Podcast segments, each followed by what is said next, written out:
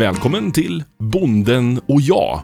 LRFs podd om vår mat, vårt vatten, skogen och allt annat som faktiskt berör oss alla. Jag heter Mattias Lindholm och i det här avsnittet åker jag till en stor mataffär i Örebro för att se hur lätt eller svårt det är för lokala matproducenter att komma in i exempelvis köttdisken i butiken. Häng med!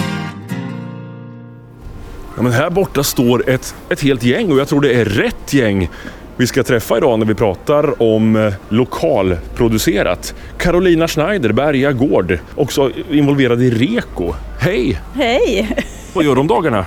Eh, ja, jag har gårdsbutik och eh, servering och lite sånt hemma så jag jobbar mest med det. Men sen har vi äggproduktion hemma också då, så att, mycket, mycket ägg. Carl Fredrik Lejonhuvud, Göksholm. Köttdjur och ja, jag kör gårdsbruk, hus och odling, växtodling, vall.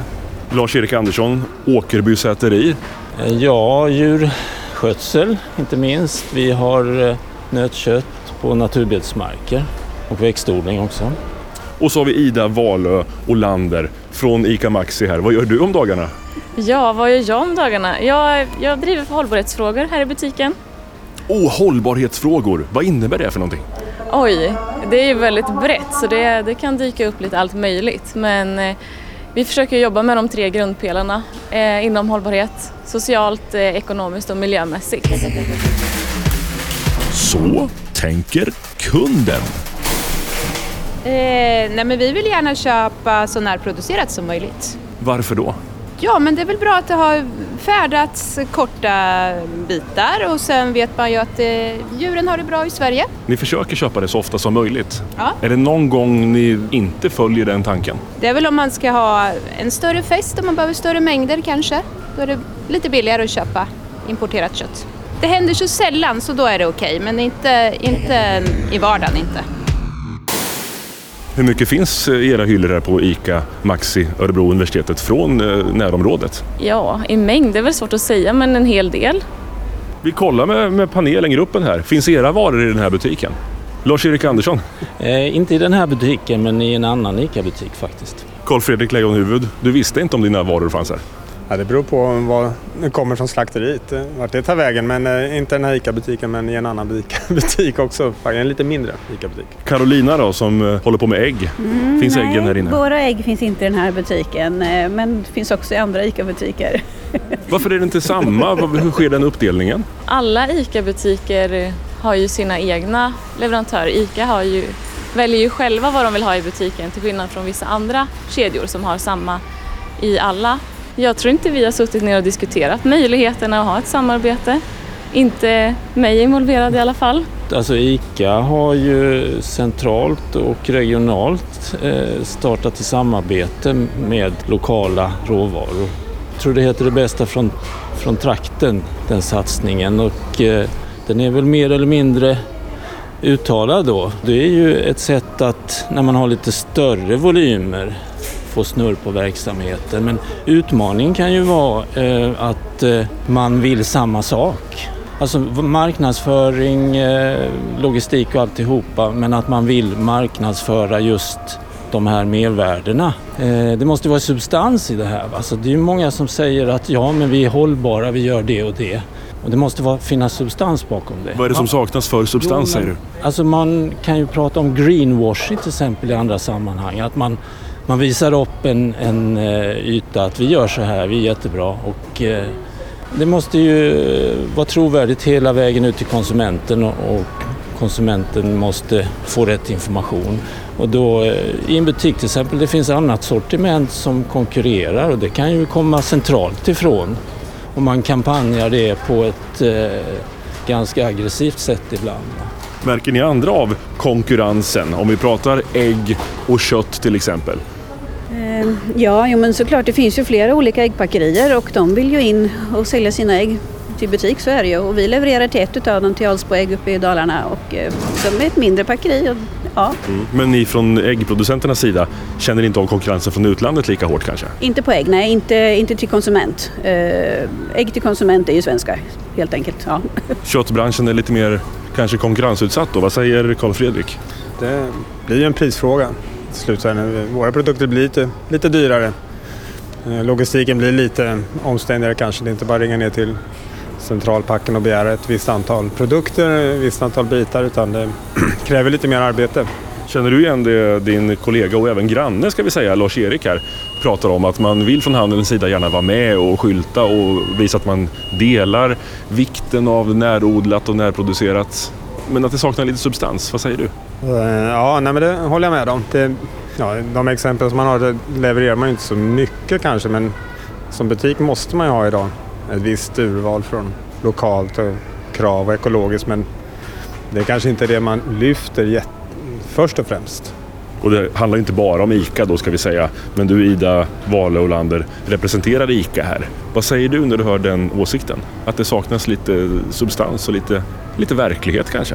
Ehm, Jag kan ju bara prata från eh, vår butik här då. Ehm, Men vi försöker ju jobba och ha ett så brett sortiment som möjligt och det... Ja, Nej, men vi ska marknadsföra det här eh, seriöst och på ett bra sätt för konsumenten behöver ju information och veta eh, i valsituationen. Och vad är det för mervärden som vi har? Det ska vi föra fram ordentligt. Svenskt, lokalt, naturbete, krav till exempel. Ska vi gå och kolla hyllan hur det ser ut på kötthyllan där borta? Vad man får för information som kund? Eh, Ja, vi kan titta men jag tror inte vi har någon eh, eh, tydlig information i, i hyllan.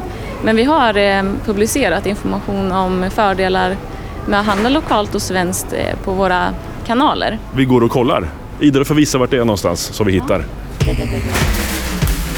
Så tänker kunden. Eh, Jag tänker köpa svenskt. Men jag kollar inte så jättemycket på vart det kommer ifrån i Sverige. Vad tycker du om informationen du får i disken när det står en jättelång köttdisk med mycket som helst här?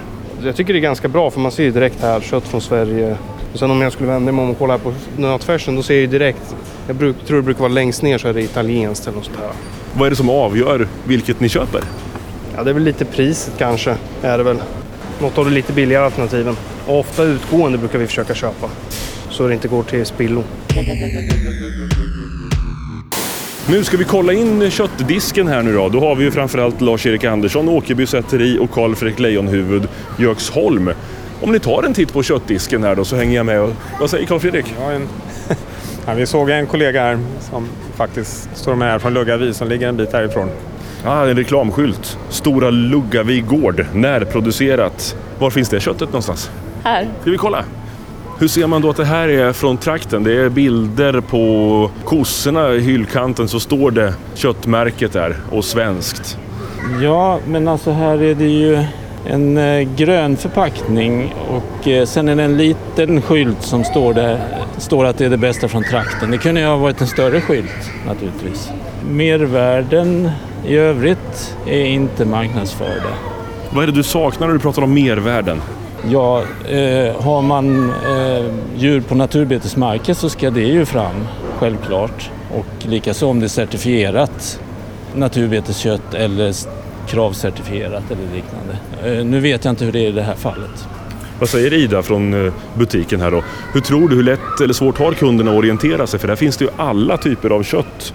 Svenskt, utländskt. Eh, Det är bara att välja och vraka. Hur lätt har man eller svårt att veta vad man får för pengarna? Ja, alltså tittar man så syns det ju om det är ekologiskt eller miljömärkt av annat slag. Men ja, det, det kan ju absolut skyltas mer med mervärden utöver det som finns. Carolina Schneider, vad säger du när du går här med dina konsumentögon men också eh, professionella yrkesögon? Ja, alltså det är ju lite djungel men jag tittar ju alltid efter den svenska flaggan och det kan jag väl möjligen sakna på Luggavis paket. Att det inte är svenska flaggan för det är liksom det första man reagerar på. Sen ser man ju om man läser på paketet varifrån det kommer men då måste man ju känna till Luggavi, vad är det för något? Och jag gör det men eh, det gör säkert inte den vanliga konsumenten. Nej, det är just det. Carl Fredrik eh, Leijonhuvud, Göksholm. Ni är ju proffs på det här. Konsumenten i gemen är ganska usel på, om vi nu tittar just på kött då, om vi pratar om det, så kan man ju inte mycket alls. Det är väl varken vårt eller handelns fel kanske, men eh, Vems fel är det då? Om man ska nå kunderna, vem ska informera om vad som är bra och dåligt då? För att någonstans styr ju plånboken, eller? och det är klart. Här skulle man ju kunna få utrymme till ganska stora informationskampanjer, höll jag på att säga. Ja, nej, men jag konstaterar när jag går liksom väldigt nära här nu så ser jag faktiskt att det är kampanjer på det lokala. Och inte bara på det centralt packade som vi också har här till kampanjpris. Så det är ju bra. Men känner ni som lokala producenter att kunden faktiskt får veta varför man bör välja närodlat, närproducerat? Nej, det får man inte. Det är väl kanske den bilden man får med sig från media i så fall. Från poddar och tv-program. Och... Men är det ni som producenter som måste bli bättre på då? Att marknadsföra era produkter och era varor? Ja, då har vi ju REKO. Ja, det ska vi prata om snart. Vad säger du? Är ni för dåliga på att berätta vad det här är för någonting? Ja, alltså vi, måste, vi kan jobba hur mycket som helst på det här egentligen men, men eh, jag tycker absolut vi ska göra det tillsammans då, då. Konsumenten behöver få rätt information, rätt fakta helt enkelt. För det är så mycket som florerar och, pratar vi bara klimat så finns det mer. Det finns ekologisk mångfald, det finns eh, många viktiga saker eh, i naturen alltså som, som är beroende av djurhållning och lokalproducerat. Och när du säger göra det tillsammans, Lars-Erik, du och vem då? Vilka branscher? Ja, när jag säger tillsammans så är det ju ett sånt här, eh, en sån här kedja alltså. Logistik, eh, affär, säljare då, då. Detaljhandel. Det är viktigt att hela kedjan tjänar på det här. Va? Det ska ju vara en bra grej för alla. Ett win-win. Vad säger Ida från ICA-butiken här? Ehm, vi vill ju jättegärna informera kunderna om vilka fördelar och mervärden som finns. Och vi har ju försökt att göra det genom våra kanaler och vi kan ju absolut förbättra oss där. Och även få input från er vad, som, vad ni saknar idag. Och tittar man här i butiken så försöker vi ju även skylta lite i butiken men jag ser ju att det är... Mycket billigt. Vad sa du? Många varor mycket billigt. Vi är ju bättre på våra sociala kanaler än i butiken men vi har ju de här skyltarna Det bästa från trakten där vi ändå försöker att, eh, att lyfta det här och få våra kunder att, eh, att se det och förstå eh, vilka fördelar som finns. Ja, om vi ser oss omkring då. Carolina, ta bara titta vad du ser omkring här nu. Butikens skyltning och information här, för det handlar om mervärden och varför man ska välja lokalproducerat. Vad får du för information? Mycket är ju lågt pris, eh, men sen finns ju som sagt traktens, det bästa från trakten hänger uppe och så ser vi lite vego åt andra hållet. Men, men pris är dominerande. men, men det är klart, det, förstår jag också att det kan uppstå en priskonflikt. Till syvende och sist så är det ju kunderna här som ska betala för sina produkter och det, och det måste ju, jag säger inte att det är så, men det är klart som handlare så måste man väl någonstans tänka på vad, man, vad den bästa affären är och det ska man pusha för en produkt som våran produkt som vi tycker är väldigt mycket bättre, men det är klart den är dyrare. Ja. Jo, vi försöker väl förse med information om eh, ja, men, till exempel eh, fördelarna med att handla lokalt. Sen... Eh, och, och de informationsskyltarna är vad då? Eh, ja, vi har ju främst använt våra sociala eh, medier för det. Men sen är det ju konceptet det bästa från trakten som är det som syns i butik. Eh, men i slutändan så handlar det ju om vad kunden efterfrågar. Eh, och hur vi styr den, ja... Ja, vad har ni för påverkan där? Eller ska ni ha en påverkan? Hur ser du på det? Ja, vi kan ju försöka påverka och ja, placera våra bättre produkter på bättre säljdytor och liknande. Men är ni öppna med, tycker ni, står ni för att det närodlade, närproducerade är bättre än det importerade? Säger ni så till kunderna? Ja, men det är klart vi står för det, men eh, det är fortfarande kundens val. Vi har ju alla ett problem i att konsumenten har de sista 30 åren blivit van i att mat ska inte kosta, det ska vara billigt. Och speciellt kött har ju, går vi tillbaka till när vi var små. det var en annan, man åt inte, förväntas inte kunna äta kött varje dag. Vi äter ju alldeles för mycket kött idag också. Till och med jag som köttproducent säger det. Men, och då ska den vara 69,90. Det har ju inpräntats under åratal. Liksom. Det är klart det blir svårt att bryta det här. Butiken har ju ett ansvar i vad de lägger fram för kunden kan ju inte fråga för någonting som den inte vet att det finns. Så på det viset så, så är det ju butiken som ändå ger förslag till kunden vad den ska välja. Har vi bra produkter som är hållbara då ska ju butiken stå för det här med hållbarhet också va? och eh, föra fram de här produkterna med mervärde. Sen får, får eh, konsumenten välja naturligtvis. Så tänker kunden. Här blippas det hej vilt. Vad har ni köpt för någonting? Jag köpte lite bratwurst. Här pratar vi idag om eh, närproducerat eller inte närproducerat. Var det något ni tänkte på när ni köpte bratwursten? Nej, inget speciellt idag. Mycket bra fråga. Inga bra svar har jag, tyvärr. Jag vet inte, det var inte jag som tog den. Jag skyller på min vän. Oftast plockar man ju bara lite. Det är mer när man väl tar sig tiden och tänker man kollar. Det är inte så att man alltid gör ett aktivt val i det köttet man väljer. Om man tänker lite utanför butiken då, för det händer ju grejer utanför den här butiken. Jag tänker på det som Carolina Schneider pysslar med lite. Kan du berätta? Ja, vi pysslar med det allihopa här faktiskt. Men, eh, Alla ni är med på samma. Vi berättar vad det är först. Ja, Reko. Vi, eh, vi säljer på Reko allihopa här. Ja. Eh, Reko är ju direkthandel mellan eh, producent och konsument, inga mellanhänder. Som en gammaldags marknad fast den sker på Facebook. Man eh, bokar upp sina varor eh, under respektive producents annons eh, och sen är det en utlämning där alla producenter träffas, alla konsumenter kommer samtidigt och sen är det ja, det utlämning helt enkelt under en halvtimme. Hur tycker du att det fungerar? Det fungerar jättebra. Det är fantastiskt bra. Jag har provat och stått på lite marknader men det är ju så tröttsamt så det är inte klokt. Man vet inte vad man ska sälja och det tar hela dagen och man vet inte om man har med sig grejer hem. Men Reko, då allting är beställt, man åker in med sina varor, man lämnar ut dem och så åker man hem igen. Det är jättebra. Vad säger Lars-Erik och Karl Fredrik om Reko-varianten? Det beställs på internet, det kommer till en speciell plats och allt går åt. Ja, väldigt praktiskt. Eller en bra mötesplats. Det tycker jag är jättebra initiativ. Eh, sen är det knepigt med, med kött. För det, allt går åt är samma där. Alla vill inte ha alla delar på djuret. Om man inte lirar där ordentligt då står man ju kvar med de här chokladbitarna med kläder på. Liksom. Det, i slutet på frysen. Eh, och det är svårt. Och det, det är ganska mycket jobb med rekoutlämningarna för det är stora produkter vi jobbar med, färskvaror, hållbarhetstiderna är korta. Eh, så det är ganska mycket timing på det hela men det, det är ett sätt att börja nå folk och kanske få dem mer uppmärksamma när de går till butik sen. Så jag ser det mer som en sån, sån spår för sen kommer det, det är en mikroskopisk del av min omsättning liksom en, och kostar antagligen mer i arbete än vad jag får in på det men i förlängningen så tror jag att det kan ge någonting. Ja, det känns väldigt bra att träffa konsumenten direkt. Det gör vi i och för sig i butik också därför att vi står och demonstrerar våra produkter i butik ibland. Den kontakten är jättebra. Reko är, precis som du sa Carl Fredrik, jättebra. Introducera våra lokala produkter. Sen är det, ska det vara större volymer, då blir ju Reko svårt. Utan då måste vi ha butikssamarbete. Vad tror ni om framtiden nu då? För nu har vi en stor ICA-butik vi står i. Här finns varenda köttdel. Det finns hur mycket mat som helst. Och snackar vi reko, då är det specialbeställt till var och en som vill ha det. Kan de här två världarna mötas på något sätt? Eller hur kommer det se ut? Vad säger Ida från ICA-butiken? Ja, men det är väl klart att det här kan utvecklas ytterligare. Det ser vi ju positivt på. Men hur det vet jag inte just nu. Det blir ju lite som att vi står och demar i butik fast vi står ute på parkeringen när vi har Reko-utlämningen.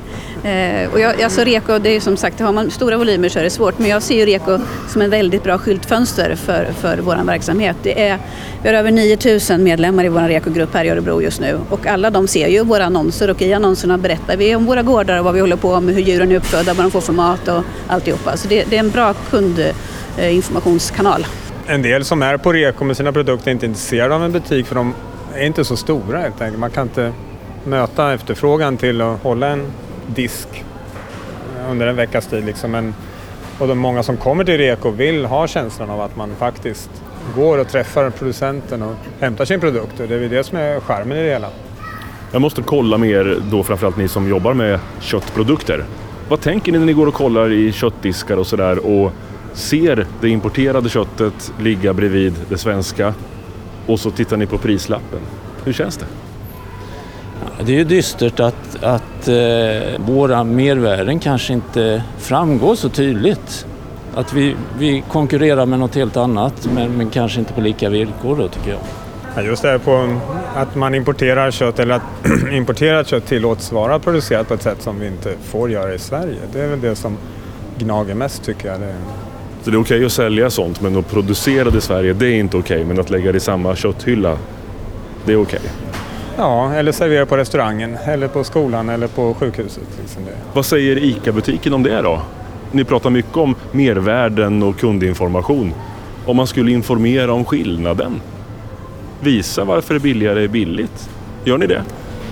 Ehm, Det är ingenting vi gör här i butiken idag men ehm, det kanske är något som man skulle behöva titta på och visa vad, vad skillnaden är mellan eh, importerat och, och svenskt kött.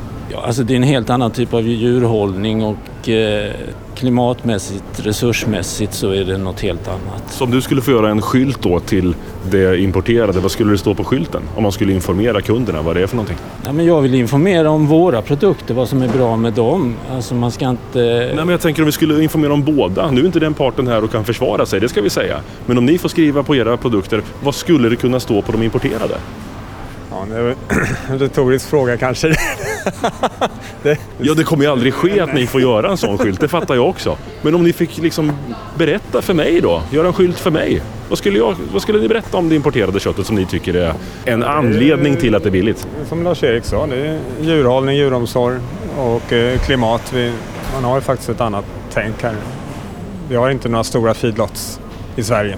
Alltså, eh, som konsument egentligen så, så när man köper ett billigt kött från utlandet så flyttar man problemen dit bara. Alltså, klimatpåverkan, eh, antibiotika, vad, vad det nu kan vara. Ida från ICA-butiken. Du har satt in i det svenska och du kan bli bättre på att berätta mervärden och, och sånt. Vad skulle du kunna berätta för mig om det importerade köttet? Ehm, ja, Varför är det billigare? Ja, det känns som att eh, de redan har tagit upp skillnaden mellan svenskt och importerat kött här. Och varför det är billigare är väl att det är billigare att producera, tyvärr.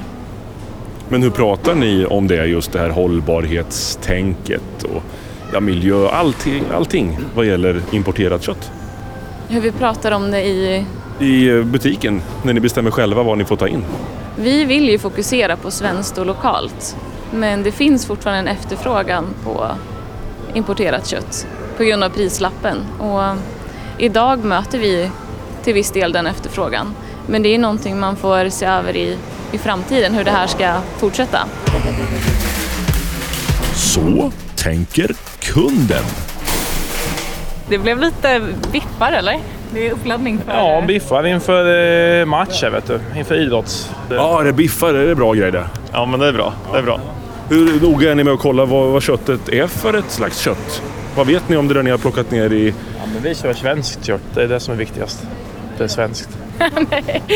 Nej, jag vet inte. Jag, jag brukar inte reflektera så mycket faktiskt. Men eh, svenskt är nog bra. Eh, det känns tryggt. Men sen vet man ju inte vad, vad det betyder egentligen. Nej, vad betyder det du som alltid köper svenskt? Ja, men nej, att det är kanske närodlat. Inte, eh, inte massa eh, behandlingar, antibiotikabehandlingar och sånt där, tänker vi. Men du som inte tänker så, vad går du på när du handlar? Nej men det är nog svenskt ändå. Men jag tror inte att jag reflekterar speciellt mycket över varför. Varför jag väljer en viss typ av kött. Plånboken och priset då, hur mycket får det styra? Nej, men det styr inte speciellt mycket egentligen. Jag väljer det, det jag vill köpa helt enkelt. Sen eh, får det kosta det det kostar helt enkelt. Så jag sätter kvalitet framför kvantitet istället. Ja, alltså jag tror nog att jag kollar lite mer på priset faktiskt. Och då är det det som är billigt som hamnar i korgen. Ja. Ja, men det är helt galet och det är ju djuren som betalar det priset. Och eh, människorna med till viss del med tanke på antibiotikaresistenten då. Men information, information, information, det är väl det man kan göra. Och egentligen så är det väl så att den här skylten som ni pratade om på det utländska köttet, det skulle ju vara en bild på en feedlot. Och sen bredvid är ju den här skylten på de betande korna på den gröna ängen som är det svenska köttet. Så folk verkligen liksom förstår skillnaden på det hela. Men jag vet inte, jag utmanar Rika att sätta en skylt med en feedlot på det utländska köttet. Ja, vi ska se över. Vi vill ju absolut, vi förstår ju att, att information är viktigt och vi försöker påverka våra kunder genom våra kanaler. Och det, det finns alltid förbättringsmöjligheter och vi får ju se över vad, hur vi kan bli bättre som butik.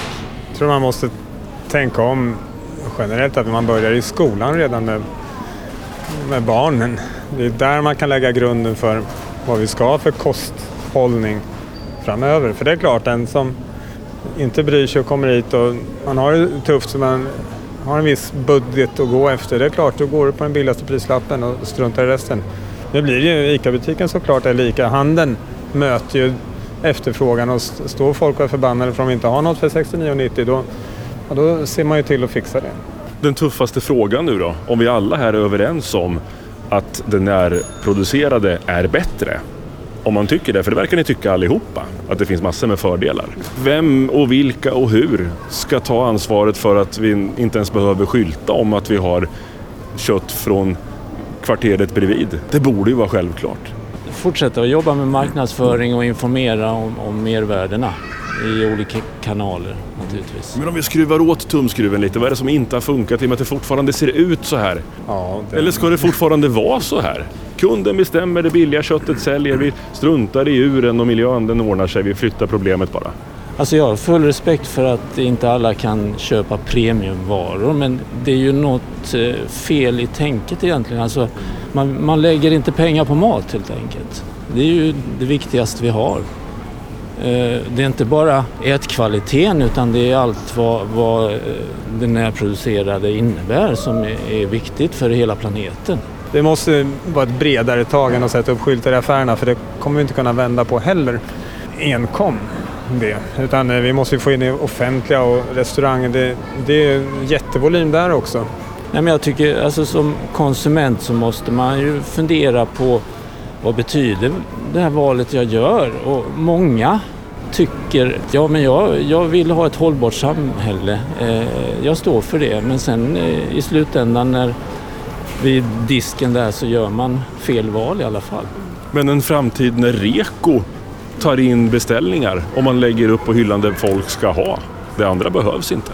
Vad sägs om den tanken? Eh, Du menar att vi ska ha utlämningen inne i butiken på hyllan? Jag ser dig om. Det finns hur mycket produkter och grejer som helst här inne. Ska vi starta butik alltså? Ja, precis. Nej. Nej men det är ju så här att detaljhandeln kan ju sin del naturligtvis och bra på det. Och då ska vi ju tillsammans dra nytta av det va? och samarbeta. Men alltså det man kan fundera på, vad skulle, om handeln inte tar in utländskt kött, om det inte finns för konsumenten att välja, skulle, skulle handeln gå under då eller vad, vad händer? Är det ingen som kommer dit menar jag, eller vad, vad, om inte alternativet utländskt kött finns? Ida Wale Olander från ICA. Vad skulle hända? Ja, vi kanske skulle få några sura kunder. Eh, men vi skulle ju absolut inte gå under. Det tror jag inte. Men eh, det är en stor fråga att ta ställning till och det, vi kommer ju såklart arbeta vidare på det. Men har du hört den frågan när du pratar med de som bestämmer? När ni stänger dörren till personalrummet? Känner du igen den tanken? Tanken på att utesluta importerat kött. Eh, inte utesluta, men minska absolut. Det, det har vi ju redan fokuserat på. Vad har man för ansvar när man är så stor som i det här fallet ICA då och alla andra kedjor som är stora? Ansvaret för att eh, allting blir hållbart. Men det är klart att vi har ett stort ansvar. Eh, Vi är ju en stor aktör och en del av, av någonting ännu större som butik i hela ICA-sammanhanget. Vad säger ni producenter om vi inte bara pratar den här eh, handelskedjan, alla kedjor? Tar de sitt ansvar? Inte idag. Det har ju blivit bättre. Framförallt tycker jag ICA har blivit jättebra på att ta in svenskt mycket. Det är inte ofta man hittar utländskt längre. Vad saknas? Ja, nu tar jag egen sak såklart att eh, vi vill ha 100% svenskt i butiken och sen vi har ju olika produkter inom kött också med olika mervärden på som Lars-Erik var inne på. Och att man även där ger konsumenterna en valmöjlighet vad man vill stödja för verksamhet som i sin tur kan påverka landskap och miljö på sitt respektive sätt. Carolina, tar kedjorna sitt ansvar? Eh, nej, det gör de ju inte. Eftersom de fortfarande tar in utländskt kött som produceras på ett sätt som vi inte får göra i Sverige. Så det kan jag inte tycka. Nej. Framförallt så tycker jag, säger man att man är, jobbar hållbart, då ska man göra det också. Du har lyssnat till Bonden och jag, en poddradioserie från LRF. För fler avsnitt och intressanta ämnen, klicka dig bara vidare. Jag heter Mattias Lindholm och är programledare och producent för den här serien. Hoppas vi hörs snart igen.